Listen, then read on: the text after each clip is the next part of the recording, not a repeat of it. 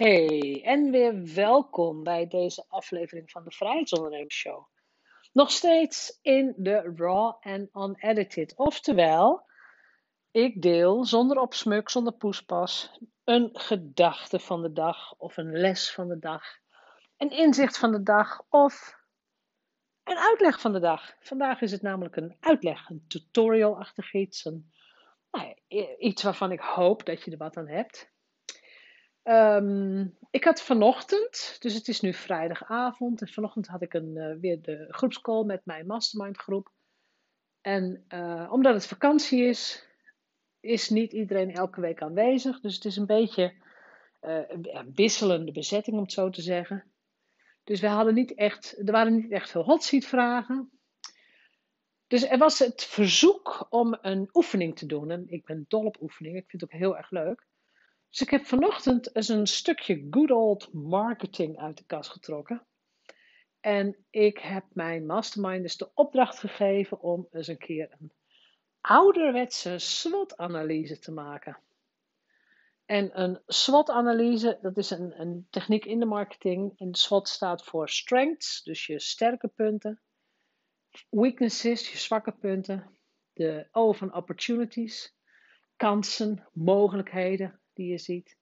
En de T staat voor threats, de bedreigingen. Nou heb ik ze gevraagd om een SWOT-analyse te maken, niet zozeer op het hele bedrijf, ook niet zozeer op zichzelf als persoon, maar op hun core product. Dus het, het, product wat je aanbiedt, wat de cash cow van jouw bedrijf is, wat, ja, wat eigenlijk het meeste geld binnenbrengt. En waarin je eventueel zou willen opschalen, waar, waaruit je ook vreugde haalt, waarvan je denkt: dit is het product wat ik veel verder zou willen uitrollen. En dat was echt ongelooflijk leuk, omdat je op dat moment jezelf als factor in dat product gaat zien. Dus als je het gaat hebben over sterke punten van een product, dan kijk je naar de vorm, dan kijk je naar de manier van aflevering, dan kijk je naar de tevredenheid van je klanten. Je kijkt ook naar de prijs. Je kijkt ook naar de winstgevendheid, naar de marge die erop zit. Je kijkt ook naar de joy die het jou brengt. Dus het plezier wat dat product jou brengt in je, in je business. En bij, bij sterke punten hoort echt alles waar jij als ondernemer, als CEO van je bedrijf een plusje achter zet. En is dat winstgevendheid, dan staat daar dus een dikke vette plus. Als je gaat kijken naar zwakheden, de weaknesses, kunnen heel vaak dezelfde dingen weer om de hoek kijken. Dus de winstgevendheid kan zwak zijn, de joy kan laag zijn, de marge, dus de marge kan laag zijn, de, uh, de manier waarop je het aflevert kan laag zijn. Dus uh, dat je te veel handmatig dingen moet doen. Alles wat een sterkte is, kan ook een zwakheid zijn en omgekeerd. Alles wat je nu als een zwakheid opschrijft, kun je veranderen in een sterkte. Als je bijvoorbeeld nu nog steeds handmatig, weet ik veel, facturen verstuurt, noem maar even iets, hè? dan is dat een zwakheid, omdat je je bedrijf dan niet snel kunt opschalen. Je bent bezig met, met de, dagelijkse dingen die tijd kosten, maar niet bijdragen aan jouw winstgevendheid. Want ja, die klus moet gedaan worden. Oftewel, je stapt over naar een systeem wat automatisch facturen gaat genereren. Waardoor je van die klus af bent. Dat heb je niet morgen geregeld, maar dat kan wel op jouw lijstje staan. Het, het to-do-lijstje of de actielijst. Eh, plan het gewoon in de tijd in en zorg dat je die zwakheid verandert in een sterk punt. Als je gaat kijken naar opportunities, en ik heb ook meegeluisterd met mijn, uh, met mijn masterminders. Wat mij bij opportunities heel erg opviel, is dat gemiddeld genomen de meeste ondernemers hierin te beperkt en te klein dachten. Dus heel erg veel bij zichzelf dacht, goh ja, welke kansen liggen er voor dit product of voor mij? Um, maar opportunities kun je veel breder trekken. Dus welke, welke ontwikkelingen zijn er in jouw markt? En dus de hele online markt is bijvoorbeeld veel groter geworden. Heb je een online product? Werk je al helemaal online? Een van de, een van de features die heel erg hoog gewaardeerd wordt op het moment is uh, aandacht. Dus als jij een groepsprogramma draait, hoeveel aandacht krijgen jouw deelnemers? Mensen betalen meer als ze aandacht krijgen. Uh, een van de andere kansen vind ik, als je met zelfstandig ondernemers werkt, dat is ook een ontwikkeling in de, in, in de markt, dat zelfstandig ondernemers steeds meer bereid zijn om goed in zichzelf te investeren. Dus die acceptatie van investeren in mezelf en in, in mijn bedrijf is gewoon veel groter geworden. Dat is een kans waar je op mee kunt liften. Een van mijn uh, mastermind deelnemers die wil veel meer een spirituele insteek in haar bedrijf gaan bouwen. En die insteek heeft ze zelf ook. En dat is een mega kans. Want de hele spirituele markt en ook het inbouwen van, van je gave en je talent in een product of in je bedrijf, wat eigenlijk een soort no-nonsense product lijkt. Maar het is een enorme kans als je die spirituele laag eraan toe kunt gaan voegen. Want die markt is enorm aan het opkomen. Die is groot. Er zijn heel veel mensen in geïnteresseerd. Dus, dat, dus die, die hele, ook economische, maar ook socio-culturele ontwikkelingen neem je mee in de kansen die er voor jou liggen. En als je dan kijkt naar bedreigingen, toen kwamen er natuurlijk vragen over. Ik, ik noem een paar bedreigingen. Hè. Dus uh, een bedreiging kan bijvoorbeeld zijn uh, te snel groeien. Als je te snel gaat opschalen, je team doet nog niet mee of kan nog niet zo snel mee, uh, dan heeft het ook weer schadelijke gevolgen. Weet je, dan kun je je beloftes niet waarkomen. Je eigen mindset kan een bedreiging zijn. Dat je niet groot genoeg durft te denken of dat je, stel dat je een, een lancering van 100.000 euro doet, dat je daar gewoon helemaal door gefrustreerd raakt. Dat je daar helemaal, mal, ja, dat is heel raar hoor. Dat is, ik, ik weet dat mensen zich dat heel lastig kunnen voorstellen, maar dan komt er in één keer zoveel geld binnen, dat je niet weet hoe dat voelt, hoe dat gaat, waar je het in moet investeren, wat je ermee moet doen. Dat je eigenlijk onbewust weer van alles gaat doen om dat geld of weer te spenderen of ja, wat moet je ermee? Het, het zit nog niet in je thermometer je geldthermometer.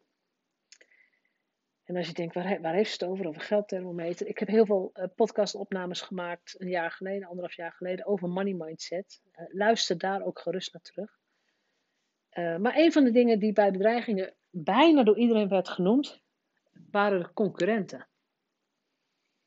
En concurrenten zijn alleen maar concurrenten als jij denkt dat ze concurrenten zijn. Want eh, ja, er zijn mensen die dezelfde dienstverlening aanbieden en die ook vergelijkbaar zijn met jou. Maar hoe sterk is het als jij echt diep graaft, dus echt even reflecteert. Ja, er werd even aan de deur geklapt. Dus ik begin even opnieuw bij het, met het concurrentiestuk. Dus een concurrent is een concurrent als je denkt dat het een concurrent is. En wat gebeurt er dan? Dan ga jij je vergelijken met die persoon, dan ga je de producten naast elkaar leggen. Dan ga je gefrustreerd worden omdat die ander, weet ik veel, leukere foto's heeft. Of mooiere retreats of betere dansjes op TikTok doet. Het enige wat jou hierbij helpt, is een concurrentieanalyse op basis van een objectieve blik. Oftewel, wie bedient dezelfde doelklant? Wat voor soort product bieden ze aan? Lijkt dat op mijn product? Wat zijn de unieke features die zij hebben? Wat is hun prijsniveau?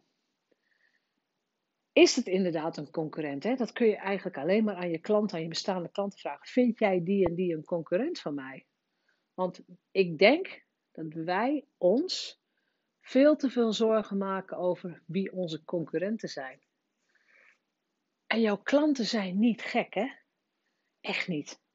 Onderschat je klant ook nooit. Een klant maakt een heel weloverwogen keuze om met jou te werken. Die heeft een reden om met jou te werken. Dus er is iets in jou, in je aanbod, of in je energie, of in de woordkeuze, of in jouw enthousiasme of wat dan ook. Er is iets in jou wat die klant nodig heeft. Oftewel, ga nooit doen wat de concurrent doet. Bied niet hetzelfde aan wat een concurrent aanbiedt. Maar keer weer naar binnen. Kijk naar je eigen energieniveau. Waar word ik blij van? Hoe bedien ik mijn klanten het best? Waar krijg ik de beste feedback op? En van daaruit ga je ondernemen. Dus natuurlijk zijn er concurrenten. Prima. Iedereen heeft recht op een stuk van de taart. Elke ondernemer wil graag omzet. En het is jouw taak om te zorgen dat jij een stuk van de taart krijgt. Ja, het is jouw etalage, het zijn jouw producten, het is jouw prijsstelling, het is jouw marketing, het is jouw energie, het is jouw, ja, jouw liefde voor die klant die ervoor zorgt dat ik bij jou kom. En dat ik niet naar een concurrent ga. En ik maak nu zo'n zo'n met twee zo'n aanhalingstekens met mijn handen. Um, want het, iedereen heeft recht op een stukje van die taart. En dat is fantastisch. En de een pakt een groter stuk dan de ander. Daar moet je bewondering voor hebben. Dan ga je analyseren. Hoe doet die persoon dat? Wat kan ik hiervan leren? Dus concurrenten zijn aanwezig. Kunnen ook een bedreiging zijn. Maar zorg ervoor dat je die bedreiging dat je, dat je die bedreiging niet ziet als bedreiging, maar als de kans om jouw eigen positionering helemaal uniek te maken. Dus uh, ik, moet, ik moet zeggen, dat vond ik heel erg leuk. Mijn masterminders vonden het ontzettend leuk om deze oefening met z'n tweeën of met z'n drieën te doen. Dus in, in hele kleine groepjes. Om het eerst voor zichzelf in te vullen. Dus het zijn de vier kwadranten die je gaat invullen. En ze vervolgens met elkaar te gaan bespreken, maar zich ook te laten uitvragen en misschien ook een beetje uitdagen. Omdat, nou ja, de gemiddelde masterminder in mijn groep kent elkaar, dus ze kennen elkaar vrij goed. Dus ze kunnen vragen stellen op basis van de ervaring van de afgelopen maanden, waar die ander misschien helemaal nooit aan gedacht heeft. En dan komen er hele zinvolle gesprekken op gang. En ik heb ook ehm, ik heb ook gemerkt toen de tijd om was dat ehm, nou, een paar van die mensen zeiden ook van oh, ik wil hier heel graag verder op doorgaan. Dus wat doe je dan? Heb ik ook gezegd. Plan volgende week gewoon een buddy call in. Nodig de mensen uit die er bij, bij je aanwezig willen zijn. En zet de oefening gewoon door met drie of vier mensen. Zodat jij daar weer in verder groeit. Dus eh, dat raad ik jou ook aan. Hè? Dus als je die SWOT-analyse maakt, uh, ga het ook bespreken met iemand. En een tweede wat ik heb gezegd is die SWOT-analyse. Het is handig om deze minstens twee keer per jaar in te vullen. Om inderdaad te observeren of jouw weaknesses zijn veranderd in strengths. Of dat de weakness die er over zes maanden in staat, vandaag ook al op je lijstje staat. Als dat zo is, dan heb jij je huiswerk niet helemaal gedaan. Dus, dat gezegd hebbende, wens ik jullie een hele fijne dag verder. Uh, ik, ik, hoop dat je het leuk vond om gewoon even een, uh, een marketingles te krijgen. Uh, ik, mijn masterminders vonden het in elk geval een ontzettend leuke oefening. En ik moet zeggen, ik doe het inderdaad redelijk braaf elk half jaar. Zijn eigen product observeren. Wat gaat goed, wat kan beter. Waar geef ik prioriteit aan? Wat laat ik nog even liggen? Want je kunt niet uh, alles in één dag doen. Maar het, het werkt heel goed. Dus weer bedankt voor het luisteren.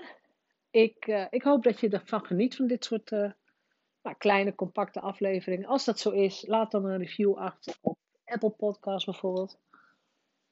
Zou ik heel erg op prijs stellen. Vind ik heel erg leuk. En zoek ook contact met mij als je een vraag hebt of als je een thema wilt inbrengen. Dat kan via Instagram of via Facebook Messenger, mijn persoonlijke naam. En ja, rest mij nog één ding. Fijne dag en tot morgen.